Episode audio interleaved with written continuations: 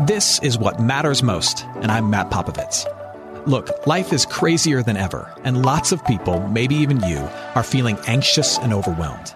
Today's message is designed to help you figure out what's most important and to experience the peace and joy that God intends for you. Because life is a gift, and it shouldn't be wasted on worry. I'd like to give you a resource, something to help you navigate the road ahead. Just go to mattpopovits.com, click on the icon, and we'll send it to you. That's Matt, P-O-P-O-V-I-T-S dot com. And hey, if you happen to live in the Houston area, I'd love to see you on a Sunday morning at St. Mark in Spring Branch. Head to stmarkhouston.org to plan your visit. Here's today's message. Thanks for listening.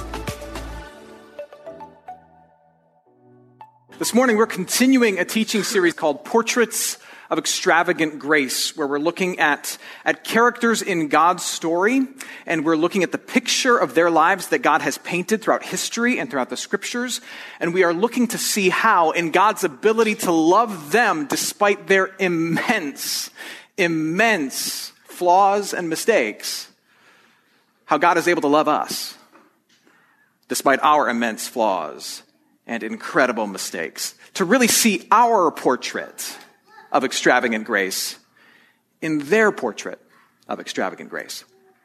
And this morning we are talking about yet another Old Testament figure. We're talking about a man named Jacob, a man who is a pillar in the Old Testament story, in the Christian story, uh, a man who was, was chosen as a leader of God's people, but a man who was known as a liar and a deceiver and a manipulator. In fact, his name, Jacob, in Hebrew can be interpreted to be, uh, can be interpreted as one who cheats. It literally means one who grabs at the heel of the person in front of him, which was a euphemism in the ancient world for a cheater.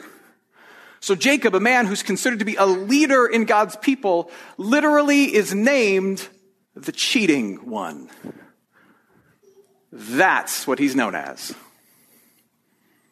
Have you ever met someone who, who just can't for the life of them tell the truth? Like even when, even when they're telling you the truth, you kind of get the sense that they're, they're stretching it, they're twisting it, they're massaging it so that it sounds a little more important than maybe it should, or, it, or it's as advantageous for them as possible.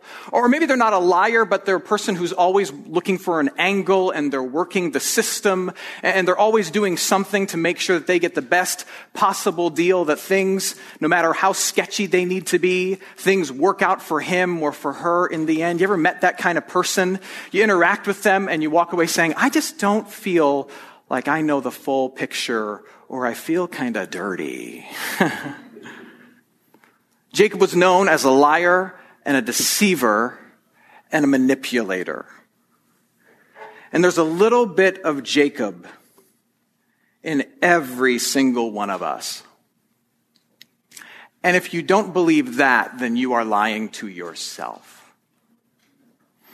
Jacob had a twin brother, a twin brother named Esau. Now, Esau was technically born first, though they were born just seconds apart.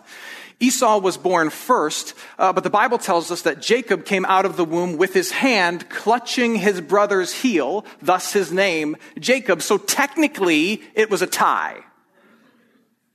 This is how Genesis describes it. When her days to give birth were completed, behold, there were twins in her womb. The first came out red, all of his body like a hairy cloak, so they called his name Esau.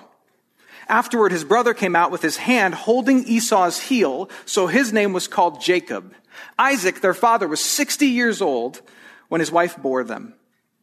Uh, in the patriarchal society, being the firstborn male meant everything.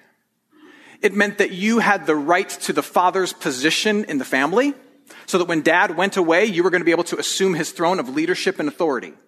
It also meant that any tangible or spiritual blessing that belonged to the father belonged to you as the firstborn male. So being the firstborn male meant everything.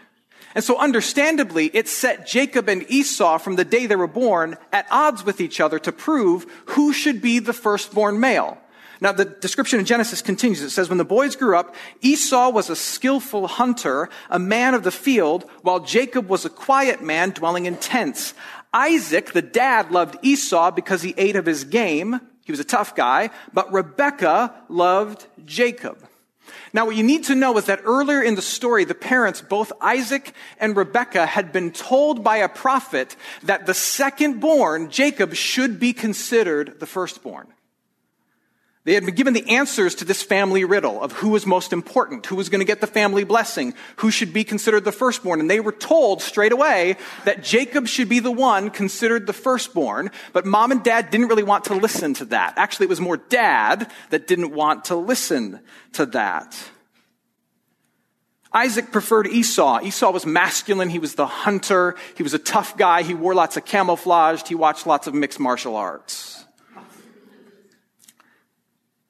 Rebekah preferred Jacob, who was quiet and thoughtful and liked to blog about his feelings. It's understandable that Jacob believed that for really good reason, he could be a deceiver. Jacob must have believed that he was in the fight of his life. That he was in a fight to prove himself to his dad, who thought his brother was better. He was in a fight to prove himself stronger than his twin brother. And he was in a fight to, to, to make his mom, who had put all of her chips in his bag, to make his mom proud. But most of all, Jacob was in the fight of his life to get the blessing and the status in the family and in the world that he rightfully deserved. And so you can imagine that Jacob felt completely justified in manipulating felt completely justified in lying, felt completely justified in working whatever angle he could. And you see, that's the thing about being a deceiver. It's true of Jacob and it's true for you and it's true for me. Most of the time, when we deceive, when we lie, when we manipulate, we do so because we believe we have a really, really, really good reason. We do so because we believe that we are completely justified. We believe that the stakes are so high that it legitimizes lying, that it legitimizes manipulating. Jacob worked everybody in his life. Jacob worked his twin brother Esau. Uh, he was manipulating him at one particular moment where Esau was starving so Jacob was cooking up some food. His brother had been out hunting for days, if not weeks, and he came back to the house, crawling back to the house near death's door. And Jacob's cook, sitting there cooking some stew, and he looks at his twin brother and says, Oh, you want some, do you? And he convinces his brother in a moment of pure desperation, he convinces his brother to, to give him his status as the firstborn in exchange for some food. That's the kind of guy that uh, Jacob was. Not only did he work over his brother, but he worked over his father. When his father was nearing death and his father was blind and likely dealing with dementia, Jacob disguised himself as Esau and convinced his father to give him the older brother blessing. And he used his mother too. He worked his angle as her favorite son and wrapped her tight around his crooked little finger so much so that it increased the division between his parents, between a husband and a wife. You see, the thing about deceivers, when we deceive, it's not only because we believe that we're justified in doing so because the stakes are high, we also believe that we're on our own. And so when we are deceiving, we're looking out for ourselves, and then we tend to use other people as objects and pawns in our plans. But one of the reasons God so despises deception is not simply because deception pulls the fabric of trust out from underneath society, which it does, but because to deceive someone is to objectify someone. To deceive someone is to rob them of basic human dignity. One of the reasons God despises your deception and mine in small ways and in big ways, whatever it is, is because to give someone less than the truth is to treat them as less than human. Human. Why do you think to give someone less than the truth is to treat them as less than human. Why do you think it hurts when you realize someone's been lying to you? Even if they've been lying to you about something really petty and small. It still hurts. Like, am I, am I not worthy enough to, to know reality? Uh, when you realize someone was not straightforward about their intentions or, or that they saw you obviously as a means to their end When you realize someone's lied to you, why do you feel like, like something dirty needs to be washed off of you? Why is that? It's because someone has objectified you and used you. They've treated you as a less than. They've robbed you of dignity and respect and basic humanity. And basic humanity is this. You get to know the truth. And that's evil. And that's what Jacob did with everyone around him. And when we deceive and we lie, that's what we are doing as well. We are objectifying people for our plans and using them as pawns and treating them as less than human. And that's wrong. And that's why God so despises it. He makes it one of his top 10 things he hates. So his brother Esau wises up to the fact that, that he has stolen the family blessing from their, from their, um, from their father who is struggling with blindness and dementia. And so when the father finally dies, Esau looks at his brother and says, good, I can kill you now. And so, and so Jacob goes on the run. Jacob goes on the run to his uncle Laban, who happens to be a trickster too. And Laban tricks Jacob the way Jacob has tricked everybody else his whole life. And he tricks Jacob into 14 years, 14 years of indentured slavery. And after 14 years of indentured slavery, when he's finally free, he realizes that he has nothing. He gets free, and though he has a family now and he has a little bit of wealth now, his parents are dead. Years have been lost from his life, and his twin brother, the only living member of his family of origin, hates him and wants to kill him. And so the irony of Jacob's life is that the means that he has used, lying and deceiving and manipulating in order to fight for his life and secure a blessing have robbed him in the end of a quality of life and achieving that blessing. That's the irony of his life. So Jacob, now broken, and having lost so much, he decides finally to go crawling back to his twin brother Esau, knowing that because of his choices, his brother at best will reject him and be like, get out of here, and at worst, kill him. But now Jacob has nothing left, so he decides to just go crawling back to his brother. All of his lies and manipulation and deception have gotten him to the absolute rock bottom of the barrel, and he's got nothing left to do except crawl back to his only living relative and hope for the best. I hope you're enjoying today's message. For more of what matters most, you can head to mattpopovits.com. There you'll find other messages. You can support this ministry as well as access your free gift. Oh, and if you're looking for a local church and you live in Houston, come and see what's happening at St. Mark Houston. To plan your visit, head to stmarkhouston.org. Thanks for listening, and back to today's message. But here's the beautiful part and this is where grace starts to get painted into the portrait of Jacob. When we are at the end of ourselves, when we are at the end of whatever ludicrous rope we've used to try to lasso life, be it lies and deception, whatever it is you've used, when we're at the end of that rope and at the end of ourselves, we are at the beginning of an encounter with God's mercy and grace. God does all of his best work when you are at the bottom. And that is true with Jacob. So, so Jacob is preparing to meet his brother Esau and thinking his brother's going to kill him. And he's made preparations for his family to be safe, and he's getting ready in the morning to go and try and meet his brother. And so, and so Jacob is alone at night, standing by the water. And remember, it's the ancient world. So if you're alone at night, you are really alone at night. There are no street lamps above you. There's no flashlight app on your iPhone. It is dark and you are alone.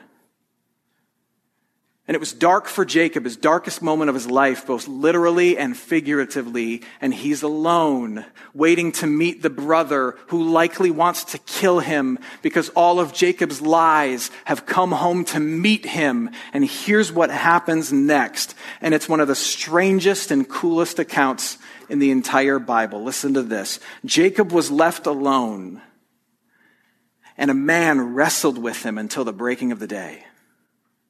When the man saw that he did not prevail against Jacob, in other words, Jacob was putting up, against, putting up a good fight, he, this mystery man, touched Jacob's hip socket, his upper thigh, and Jacob's hip was put out of joint as he wrestled with him. Then he, this mysterious man, said, Let me go, for the day has broken. But Jacob said, Even though his hip is wounded, I will not let you go unless you bless me. And he, the mystery man, said to him, What is your name? And he said, Jacob. Then the mystery man said, Your name shall no longer be called Jacob, but Israel, for you have striven, wrestled with God and with men, and you have prevailed.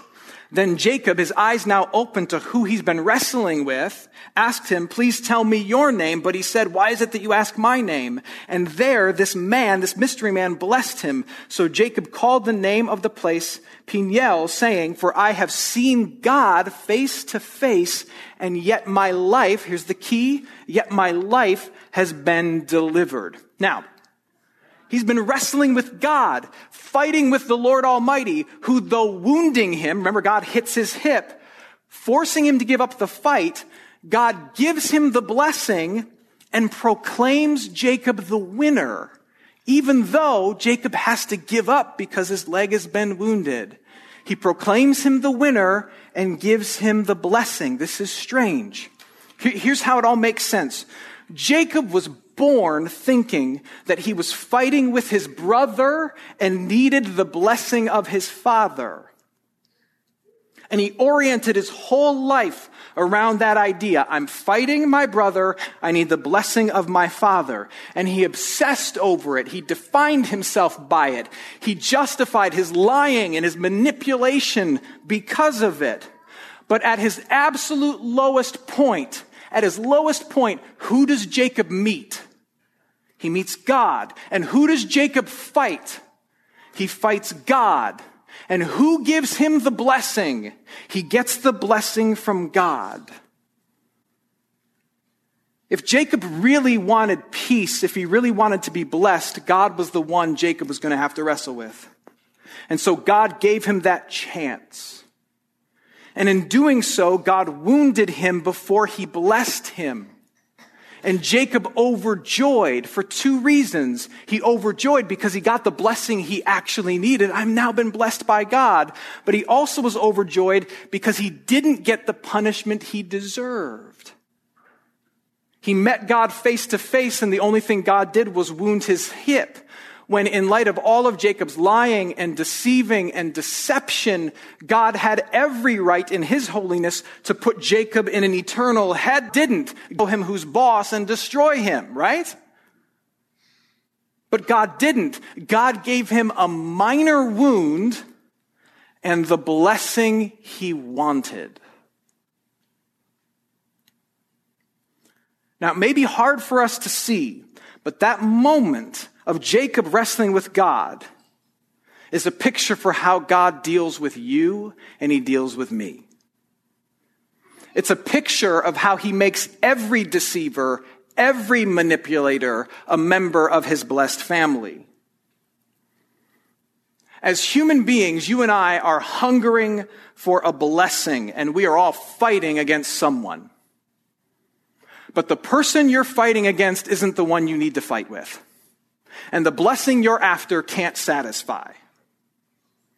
In order to enter God's family, you have to come to the end of your rope, the end of your plans, the end of yourself, and realize the one you're fighting against isn't your dad, it isn't your brother, it isn't your job, it isn't the culture, whoever you've been blaming for everything that's wrong in your world. The one you're fighting with, in the end, is the one who made the world. And you don't like the world he made for you. And he's the only one who can give you the blessing you really need, the blessing that will actually satisfy.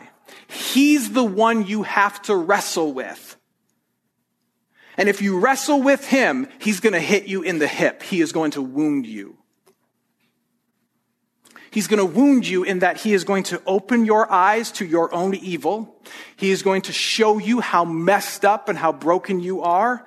He is going to bring a confession out of your lips of your weakness and your pettiness, of your complete neediness. And it's a wound that you will never forget. You will always know after wrestling with God that you are a broken, needy, sinful person. You will walk with a limp for the rest of your life after you wrestle with God. But that limp itself is a sign of grace. Because it could have been so much worse. The God you wrestled with could have given you what you deserve. He could have met you in that dark night and put you in a headlock he never let go of and would have been justified in it, but he didn't. He wounded you in a minor way and then he looked at you and he gave you the blessing. He gave you forgiveness. He made you a member of his family and he says to you, you are mine, you are loved. He declares you the winner of all of his grace, though you lose the fight of your life to him. Which means you are so loved, you no longer have to lie, even though you feel like you have to. You are so loved, you no longer have to deceive. You are so beloved, you no longer have to manipulate. You may choose to, but now you don't have to. You are okay. How does all of this point to Christ? Well, he's actually hinted at in this crazy story.